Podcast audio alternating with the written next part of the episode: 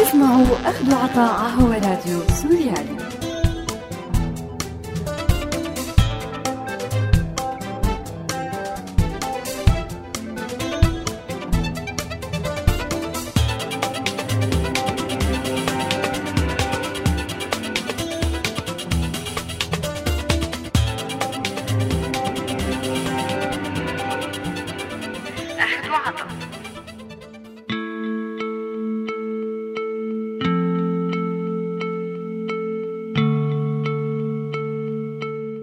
الأسلحة المحرمة دوليا هي من أدوات التدمير الشامل والتطهير بحالات الحرب واللي بتقضي على كل أشكال الحياة بما أنها بتأذي جسم الإنسان والكائنات الحية الثانية وبعضها بيلحق الضرر الكبير بالمنشآت وبدمرها. سواء كان أثرها آني لجزء من الوقت مثل الكيماوي أو طويل الأمد مثل النووي. لهيك تم تحريم استخدام هي الأسلحة المدمرة بالحروب ومنع تداولها. والبعض من الأسلحة تم تحريم تجربته وما تم تحريم استعماله والبعض حرم إنتاجه حسب نوعه. وبيرجع اهتمام القانون الدولي بتحريم استخدام بعض أنواع الأسلحة والذخائر لأسباب وعوامل عديدة.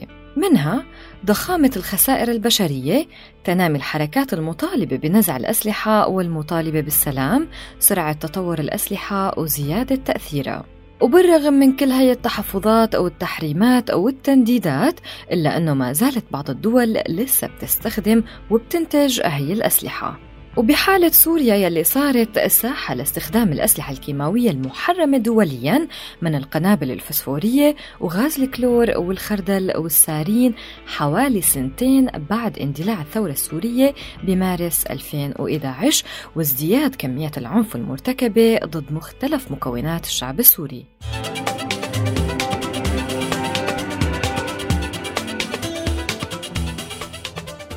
مرحبا وأهلا وسهلا فيكم مستمعينا بحلقة جديدة من برنامج أخذ وعطا معي أنا رنيم داغستاني على راديو سوريالي. رح نحكي بحلقتنا لليوم عن الأسلحة المحرمة دوليا وعن تاريخ سوريا باستخدامها عدة مرات وعن تجارب بعض الدول الثانية يلي تم استخدام أسلحة مشابهة فيها وكيف تمتع فيها وعن بعض المبادرات لنزع هاي الأسلحة خليكن معنا. الأسلحة المحرمة دوليا القنابل العنقودية وهي عبارة عن عبوة بتحتوي على عدد كبير من القنابل الصغيرة تنطلق بالهواء تستخدم للهجوم على أهداف مختلفة مثل العربات المدرعة أو الأشخاص أو لعمل حرائق. القنابل الصغيرة الموجودة جواتها بتغطي منطقة كبيرة وبيتم قذفها من ارتفاعات متوسطة أو عالية. الشيء اللي بيزيد من احتمالات انحرافها عن الهدف لأنها بتفتقر للتوجيه الدقيق. يعني احتمالية فشلها كبيرة كتير. وكتير منها ما بينفجر بس بيستقر بالأرض كألغام ممكن تنفجر بعد سنوات. طبعا هالشي بشكل خطر كبير على المدنيين. والقنبلة العنقودية متعددة التأثيرات وبيختلف أحيانا حجمها وآثار ضررها حسب البلد يلي تم إنتاجها فيها. بيوصل وزن القنبلة الواحدة أحيانا ل 430 كيلوغرام وبتحمل قنابل عنقودية صغيرة وبيخلف انفجارها أضرار وإصابات بمساحات واسعة.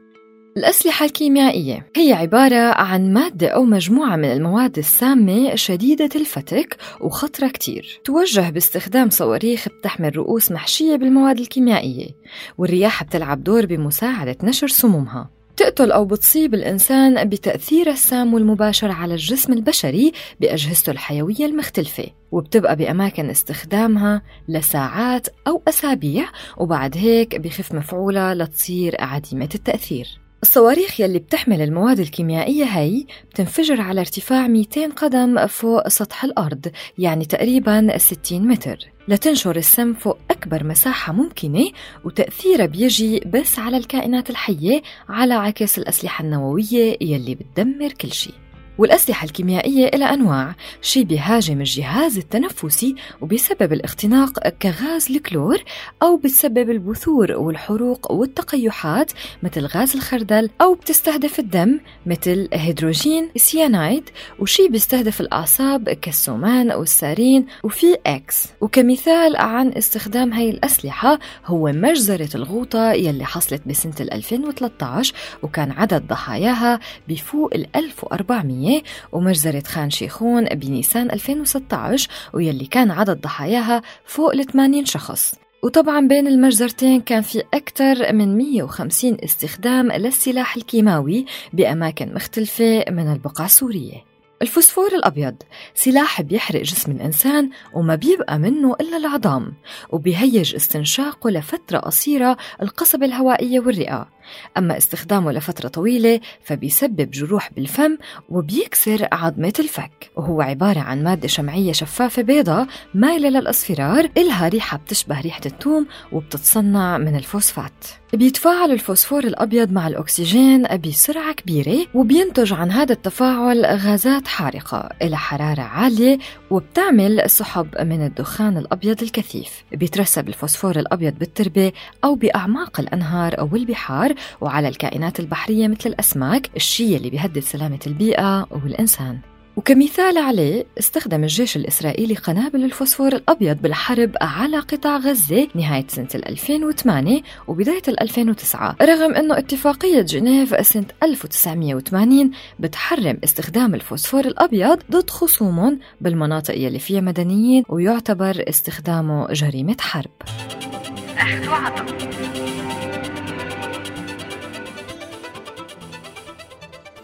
الأسلحة البيولوجية وهي أنواع من البكتيريا أو الفيروسات أو الخمائر مصممة للفتك بالإنسان أو الحيوان أو النبات. توصل للإنسان عن طريق الهواء أو الطعام أو الماء أو الحقن. وبعد التعرض إلى بيكون في فترة حضانة بتتكاثر خلال الفيروسات أو البكتيريا جوا الجسم من دون ما يحس الإنسان بعوارضها وبعدين ببلش المرض القاتل وبعدها بتنتشر العدوى.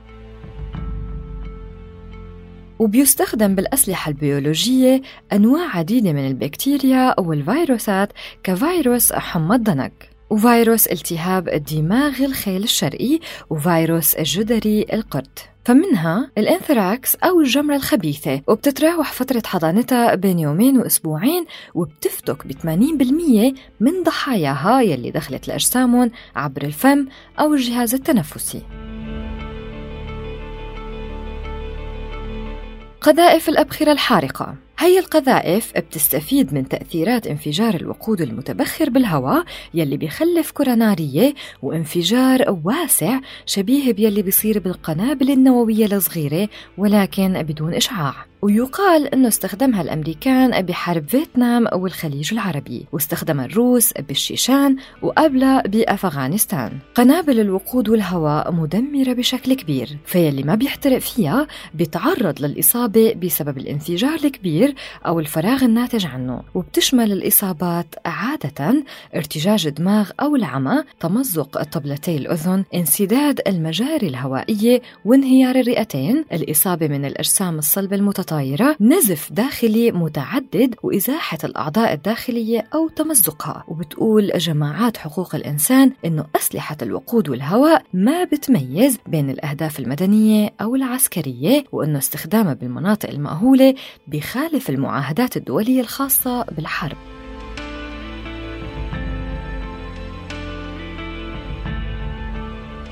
القنابل الفراغية هي القنابل يلي بتفرغ هدفها من الهواء وغالبا بيكون الهدف عبارة عن مبنى بيتدمر وبيتم تفجيره بسرعة وبتفوق سرعة الضوء. بتصيب يلي ما بتقتله بالعمى وارتجاج الدماغ وبتعمل تمزق بطبلة الإذن بالإضافة لانسداد المجاري الهوائية وانهيار الرئتين وإصابات تانية كمان خطيرة كتير. واستخدمتها قوات الاحتلال الإسرائيلي بالعدوان على قطاع غزة. الأسلحة النووية تعتمد بقوتها التدميرية على عملية الانشطار النووي الشيء اللي بيخلي انفجار قنبلة نووية صغيرة أكبر من قوة انفجار أضخم القنابل التقليدية وبإمكان قنبلة نووية أنه تدمر مدينة كاملة بمبانيها وسكانها.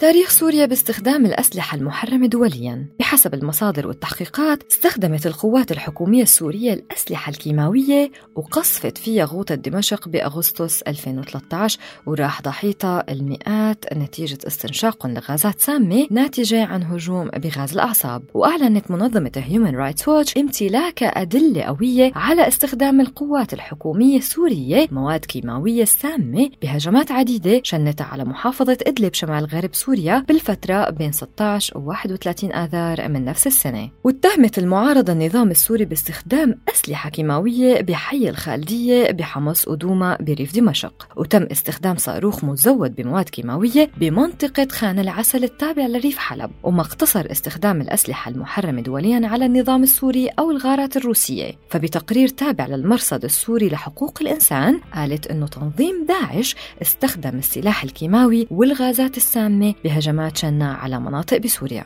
وكمان اتهمت منظمة هيومن رايتس ووتش النظام السوري وروسيا باستخدام أسلحة عنقودية محظورة على نطاق واسع بهجماتها ضد مناطق المعارضة. وقالت المنظمة أنه وثقت 47 استخدام لأسلحة عنقودية بسنة 2016 أسفرت عن مقتل وجرح عشرات المدنيين. وبحسب المنظمة فهي القنابل المحرمة استهدفت المدنيين والأطفال.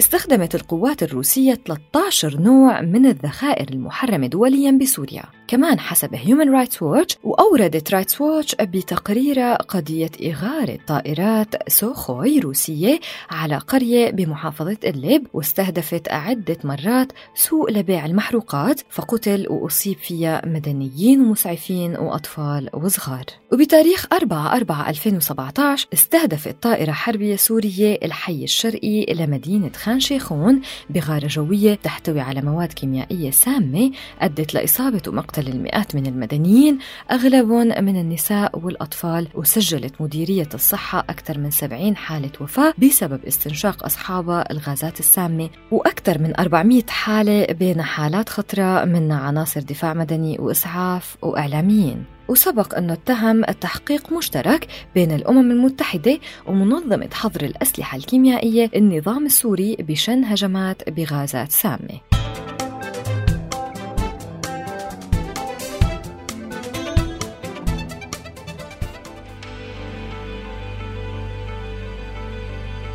تاريخ العالم باستخدام الأسلحة المحرمة دوليا أو أسلحة الدمار الشامل. فبالحرب العالمية الأولى بين سنة 1914 و 1918 استخدمت الغازات السامة كسلاح من قبل قوات الإمبراطورية الألمانية ب 31 يناير 1915 بمعركة بوليمو واستخدمتها كل القوات المتحاربة خلال الحرب العالمية الأولى. وبتشير التقديرات إلى أنه الأسلحة الكيميائية اللي استخدمها كلا الجانبين طوال فترة الحرب تسببت بمقتل 1.3 مليون إنسان.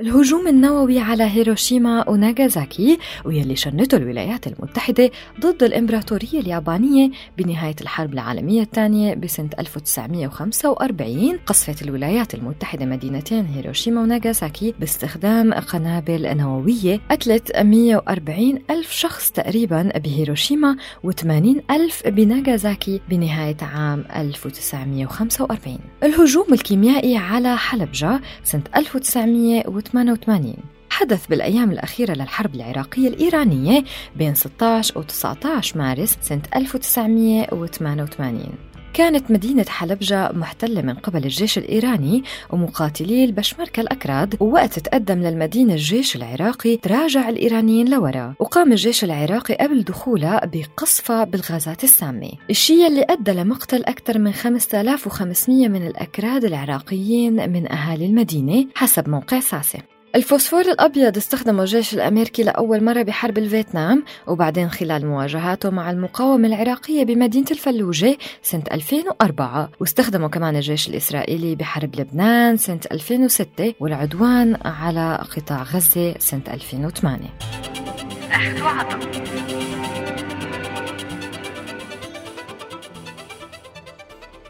حملة لابد من نزع أسلحة الدمار الشامل وكجزء من حملة لابد من نزع أسلحة الدمار الشامل تم وضع سبب واحد لكل يوم من الأيام المية يلي بتسبق اليوم الدولي للسلام بحيث يعرض من خلال موقع تويتر سبب واحد يوميا وتم وضع الأسباب العشر الأولى باسم الأمين العام بان كي مون ورح نذكر بعضها. لابد من نزع السلاح لأنه الأسلحة النووية بتشكل خطر بيهدد البشرية فخلونا نتخلص منها نهائيا باسم الأمين العام للأمم المتحدة بان كي مون أما السبب الثاني فبيقول لأنني أعتقد بصفتي أمينا عاما للأمم المتحدة بأن لدينا الآن فرصة حقيقية لتغيير الوضع ويجب علينا أن ننتهز تلك الفرصة.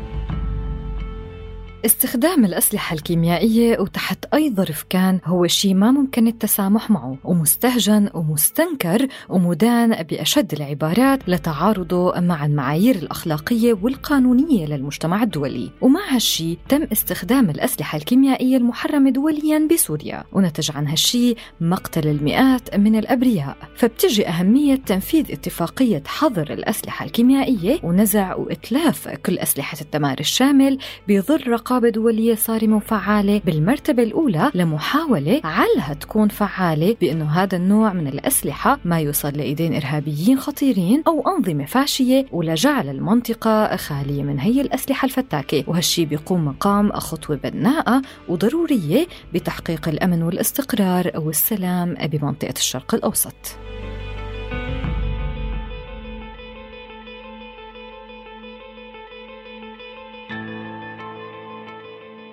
ولهون بنكون وصلنا لنهاية حلقتنا مستمعينا من برنامج أخذ وعطاء. معي أنا رنيم داغستاني على راديو سوريالي. انطرونا الحلقة القادمة. سلام.